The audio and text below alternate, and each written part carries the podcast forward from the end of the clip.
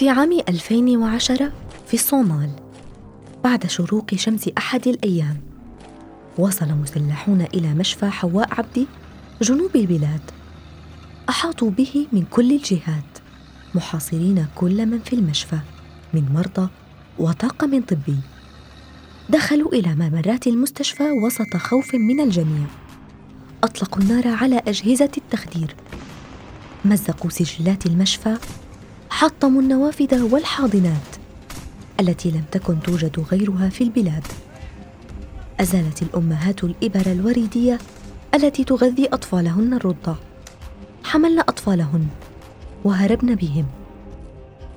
كان هدف المسلحين الإطاحة بالطبيبة حواء عبدي صاحبة المشفى ومديرته. من هي حواء؟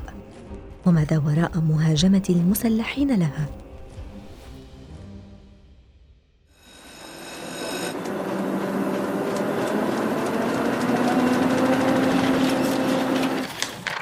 عنب بلدي. بودكاست. جماعة متطرفة حاصرت مستشفى الطبيبة حواء بالبنادق. طلبوها بترك المشفى وإدارته لأنها امرأة أولاً ولأنها كبيرة في السن ثانياً. كانت حواء في الثانية والستين من عمرها. ثم وضعوها تحت الإقامة الجبرية مع النساء اللواتي كن معها.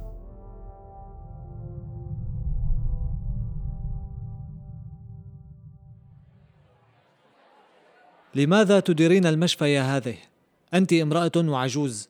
اخرجي حالا وانسحبي من حيث أتيت. لن أغادر المشفى وأنا لا أهدد. إن قتلتموني فلتقتلوني مع شعبي وبين أهلي. سنضعك إذا تحت الإقامة الجبرية. لن تخرجي من هنا لتفسدي نساءنا بأفكارك. أفضل أن أبقى هنا على الاستسلام لأمثالكم. من أنتم؟ ماذا قدمتم للصومال؟ شباب ورجال لكنكم عاجزون عن الإتيان بأي إنجاز حقيقي.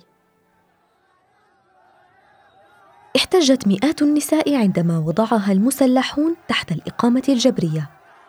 ارتفعت أصوات الصوماليين تنديدا في جميع أنحاء البلاد بالهجوم على حواء. ما أجبر المسلحين على الانسحاب بل وكتبوا مذكرة اعتذار للطبيبة حواء. رفض حواء الاستسلام عندما حاصرها المسلحون حينها كان طبيعيا. هذا المكان لم ينشأ بسهولة بل بذلت حواء الكثير لأجله. بداية كانت المشفى مجرد عيادة صغيرة مكونة من غرفة واحدة. أنشأتها حواء عام 1983 لمساعدة النساء اللواتي يلدن في ريف إفريقيا الشرقي. ولم تمض ثماني سنوات من التعب والجهد إلى وبدأت هذه الغرفة تتحول إلى مشفى كبير يحتوي على أربعمائة سرير. الحرب الأهلية التي كانت قائمة في الصومال دفعت حواء لمساعدة كل من يقصدها إما بسبب الملاريا أو سوء التغذية الشائع بسبب الفقر في الصومال آنذاك. نزح الآلاف إلى المشفى وتحولت القرية المحيطة به إلى ما يشبه المخيم للنازحين. استضافت ما يقارب تسعين الفا من الصوماليين الذين عاشوا في بيوت مؤقتة مصنوعة من البلاستيك. أصبحت المنطقة قرية صغيرة وتلقى كل من وجد فيها رعاية صحية وغذاء وتعليما مجانيين.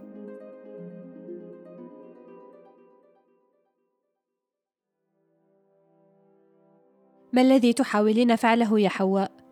هل تعتقدين أنك قد تصلحين شيئا مما دمرته الحرب؟ أعلم أنني لن أصلح كل شيء لكنني أفعل كل ما بوسعي. على الأقل أنقذ النساء اللواتي يلدن على أطراف الطرقات. هذا خطر جدا على حياتهن وحياة أطفالهن. أنت حرة لكن فعلك هذا لن ينهي النزاعات ولن ينقذ الصومال. هو مجرد مبادرة فردية. سترين يا صديقتي ستأتي أيام جديدة. والأطفال الذين يولدون في المخيمات التي أشرف عليها سيغيرون واقع الصومال. أملي بهم كبير جدا.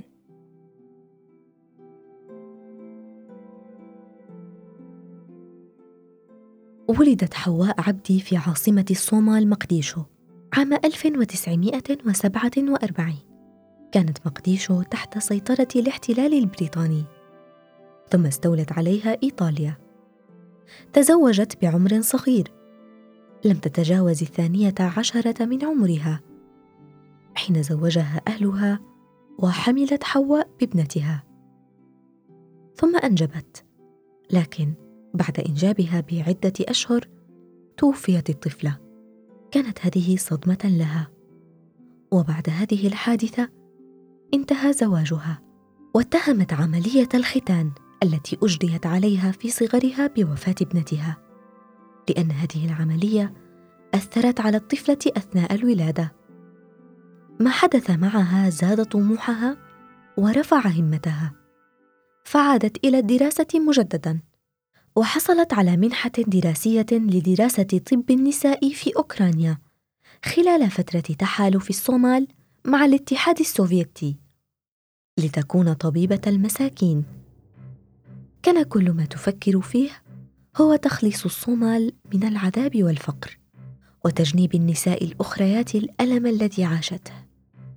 عادت حواء طبيبة إلى الصومال عام 1971 كانت الطبيبة الأنثى الوحيدة هناك.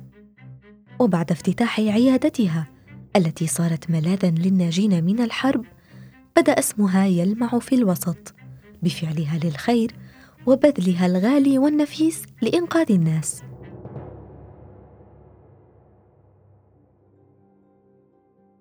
ماذا تفعلين؟ هل جننت؟ لا بل عقلي يعمل بشكل سليم الذهب الذي أملكه لن ينفعني بعد موت هؤلاء الناس أنت قلتها هؤلاء الآن أموات ماذا تستفيدين من بيع ذهبك؟ مات من مات بسبب المجاعة التي تفاقمت ولن تستطيعي بذهبك هذا إنقاذ الموقف سأطعم حفاري القبور الذين يحفرون قبور الموتى. لا يجب أن نخسر أرواحا أخرى. هؤلاء يعملون تحت الشمس ويتعبون. يجب أن يحصلوا على الغذاء. الصومال كان بحاجة لأمثال الطبيبة حواء. بدأت نشاطها في الدفاع عن حقوق المظلومين. صارت ناشطة حقوقية مخضرمة. لكن آلافا من النازحين لم تدعمهم حواء. لماذا؟ كان لها أسبابها. كان هؤلاء يحتفظون بفكر عشائري متطرف ويضربون زوجاتهم وبناتهم حتى أنها أنشأت ما يشبه السجن للذين تكتشف أنهم يضربون زوجاتهم أو يحتفظون بأفكارهم العشائرية. وتخبر الوافدين من النازحين أنهم إذا استخدموا التقسيم العشائري الذي مزق الصومال داخل مخيمها. لن يتمكنوا من البقاء فيه.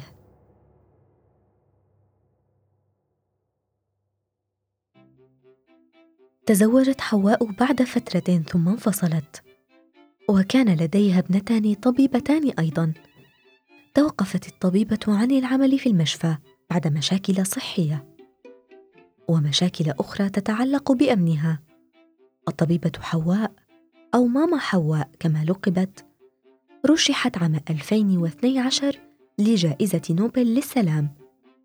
لما بذلته من جهد وتضحية حصلت أيضا على جائزة من المفوضية السامية للأمم المتحدة لشؤون اللاجئين.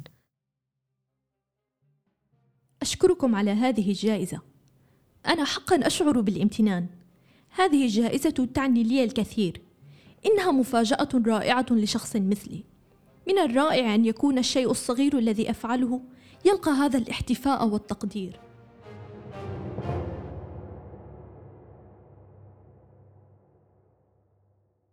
الصلابة التي كانت عليها لا مثيل لها ماما حواء حققت آمال الضعفاء والفقراء. قديسة الصومال كما وصفت. رحلت وبقي أثرها بل وسيبقى في تلك البلاد. التي هي بأمس الحاجة لمثلها اليوم. ذهبت ووثقت اسمها ضمن قائمة لعظماء التاريخ.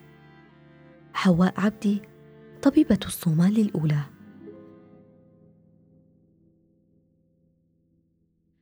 استمعتم إلى بودكاست نساء من عنب بلدي. أعددت هذه الحلقة وقدمتها.